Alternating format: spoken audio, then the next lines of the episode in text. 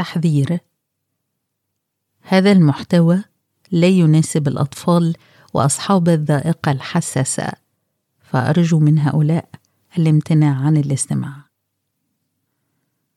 ورق أصفر بودكاست من إعدادي وقرايتي نهى الإبياري.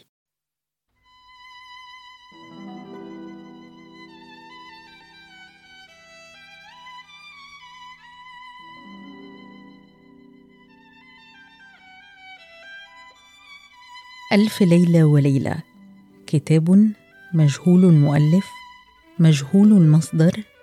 يعتقد أن نواته أصل فارسي عتيق مفقود وأن حكايته ألفت على مدار قرون عدة في العصور الوسيطة في عدد من المناطق أبرزها مصر والعراق. أقرأ لكم أقدم نسخة تمكنت من العثور عليها وهي نسخة مطبعة مصطفى البابي الحلبي إحدى أقدم المطابع في مصر وهي مقبلة ومصححة على أول نسخة تطبع باللغة العربية في الشرق الأوسط في مطبعة بولاق الأميرية. وسأحاول أن أقرأ لكم النسخة كما هي. احتراما منا للتراث لكني في الحقيقة أثرت عدم قراءة بعض الكلمات لشدة فجاجتها ولكن يمكنكم الاطلاع على النص كاملا في صفحة ورق أصفر. في الرابط المتاح. والآن أترككم مع الكتاب.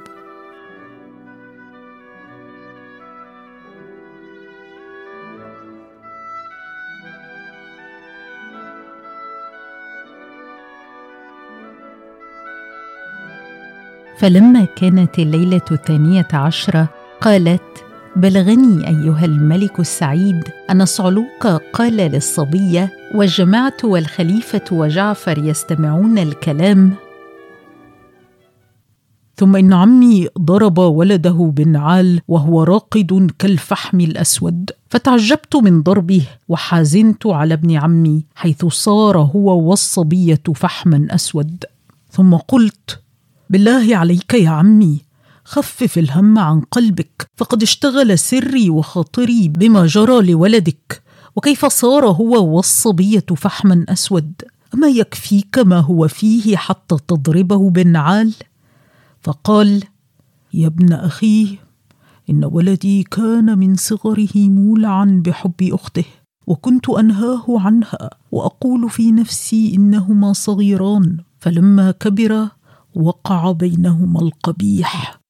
وسمعت بذلك ولم أصدق ولكني زجرته زجرا بليغا وقلت له أحذر من هذه الفعال القبيحة التي لم يفعلها قبلك ولا يفعلها أحد بعدك وإلا نبقى بين الملوك بالعار والنقصان إلى الممات.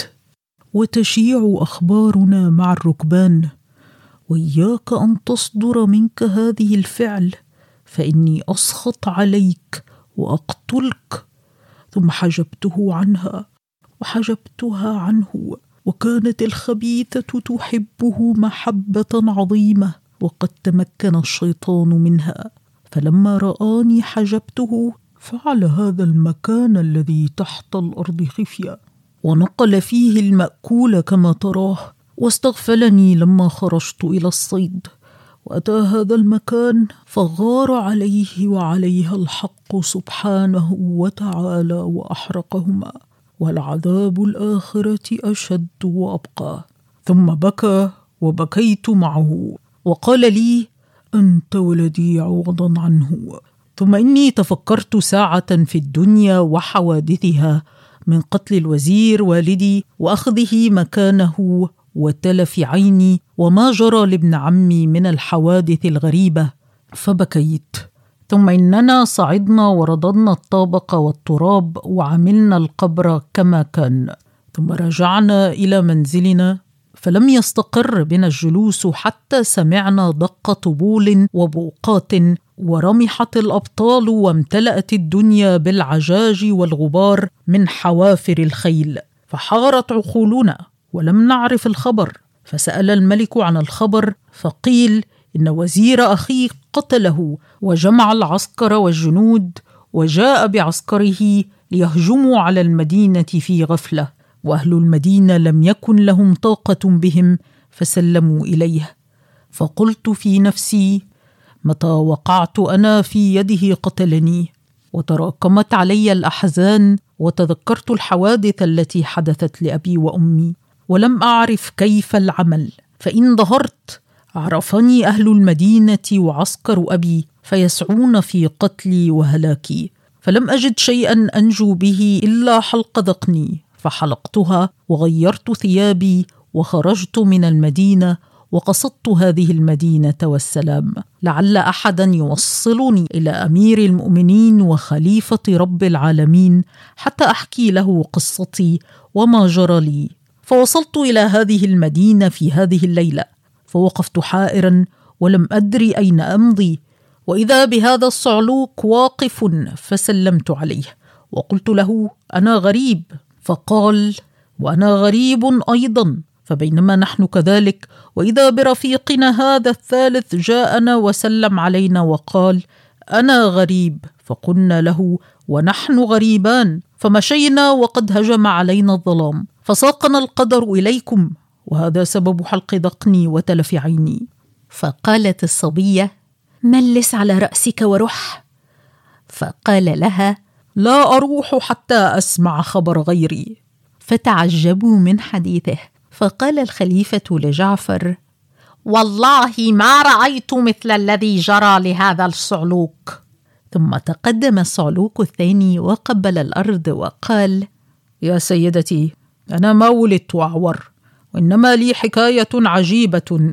لو كتبت بالإبر على أعماق البصر لكانت عبرة لمن اعتبر.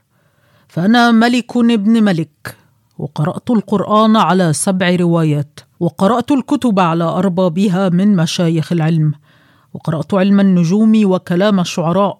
واجتهدت في سائر العلوم حتى فقت أهل زماني فعظم حظي عند سائر الكتبه وشاع ذكري في سائر الأقاليم والبلدان وشاع خبري عند سائر الملوك فسمع بي ملك الهند فأرسل يطلبني من أبي وأرسل إليه هدايا وتحفا تصلح للملوك فجهزني أبي في ست مراكب وسرنا في البحر مدة شهر كامل حتى وصلنا البر وأخرجنا خيلا كانت معنا في المركب وحملنا عشرة جمال هدايا ومشينا قليلا.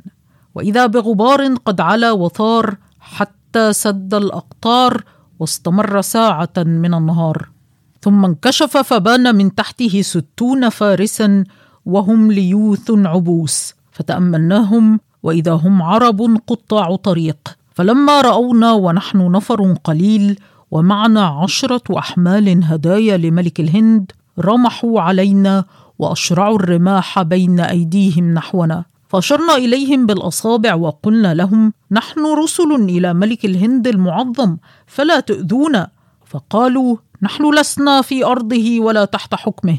ثم إنهم قتلوا بعض الغلمان وهرب الباقون وهربت أنا بعد أن جرحت جرحا بليغا. واشتغلت عنا العرب بالمال والهدايا التي كانت معنا. فصرت لا أدري أين أذهب. وكنت عزيزا فصرت ذليلا. وسرت إلى أن أتيت رأس الجبل. فدخلت مغارة حتى طلع النهار. ثم سرت منها حتى وصلت إلى مدينة عامرة بالخير. حتى ولى عنها الشتاء ببرده وأقبل عليها الربيع بورده. ففرحت بوصولي إليها وقد تعبت من المشي وعلاني الهم والاصفرار فتغيرت حالتي ولا أدري أين أسلك. فملت إلى خياط في دكان وسلمت عليه فرد علي السلام ورحب بي وباسطني وسألني عن سبب غربتي فأخبرته بما جرى لي من أوله إلى آخره فاغتم لأجلي وقال يا فتاة لا تظهر ما عندك فإني أخاف عليك من ملك هذه المدينة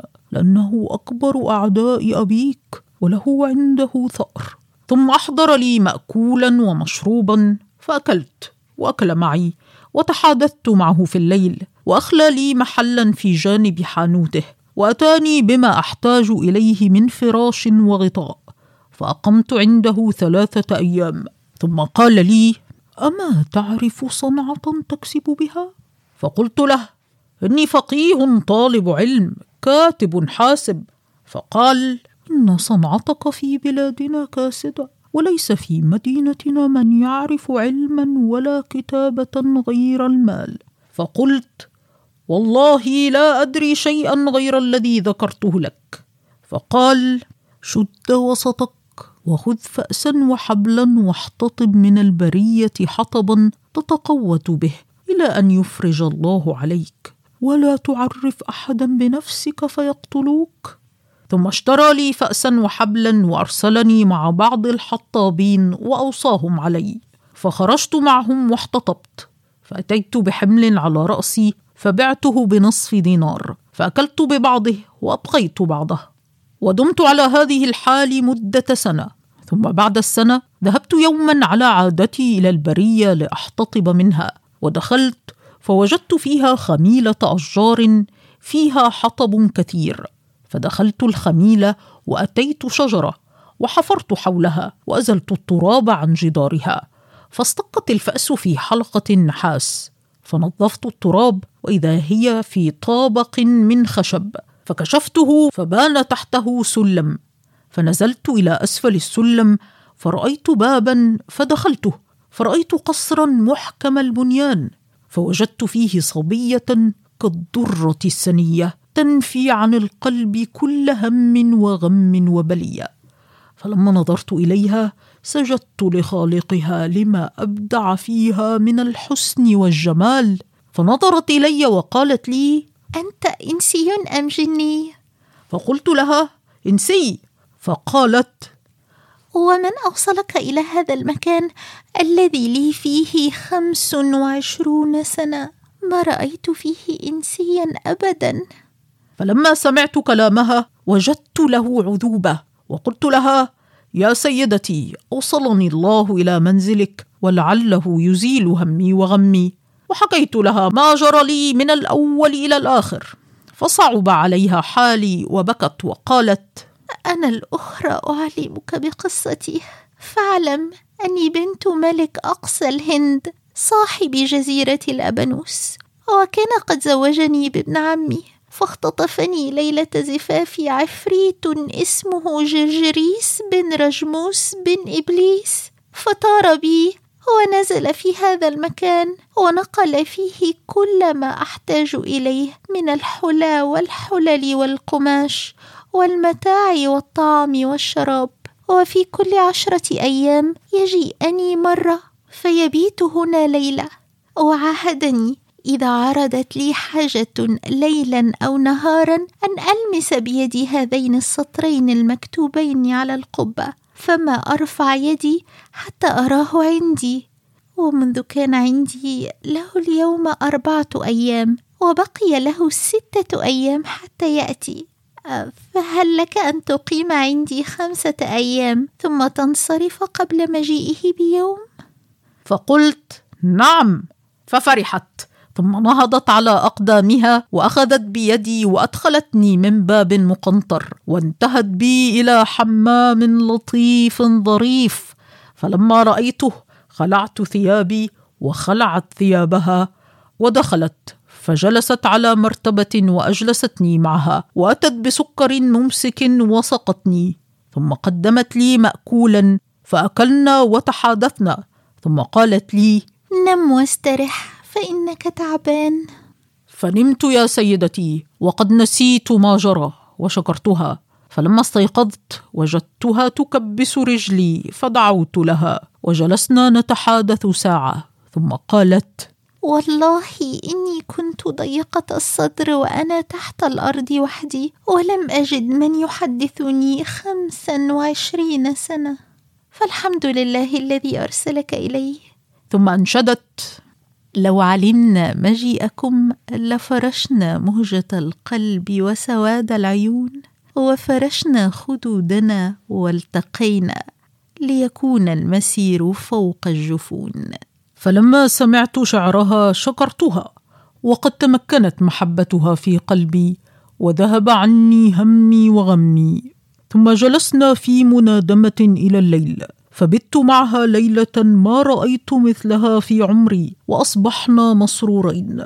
فقلت لها هل أطلعك من تحت الأرض وأريحك من هذا الجني؟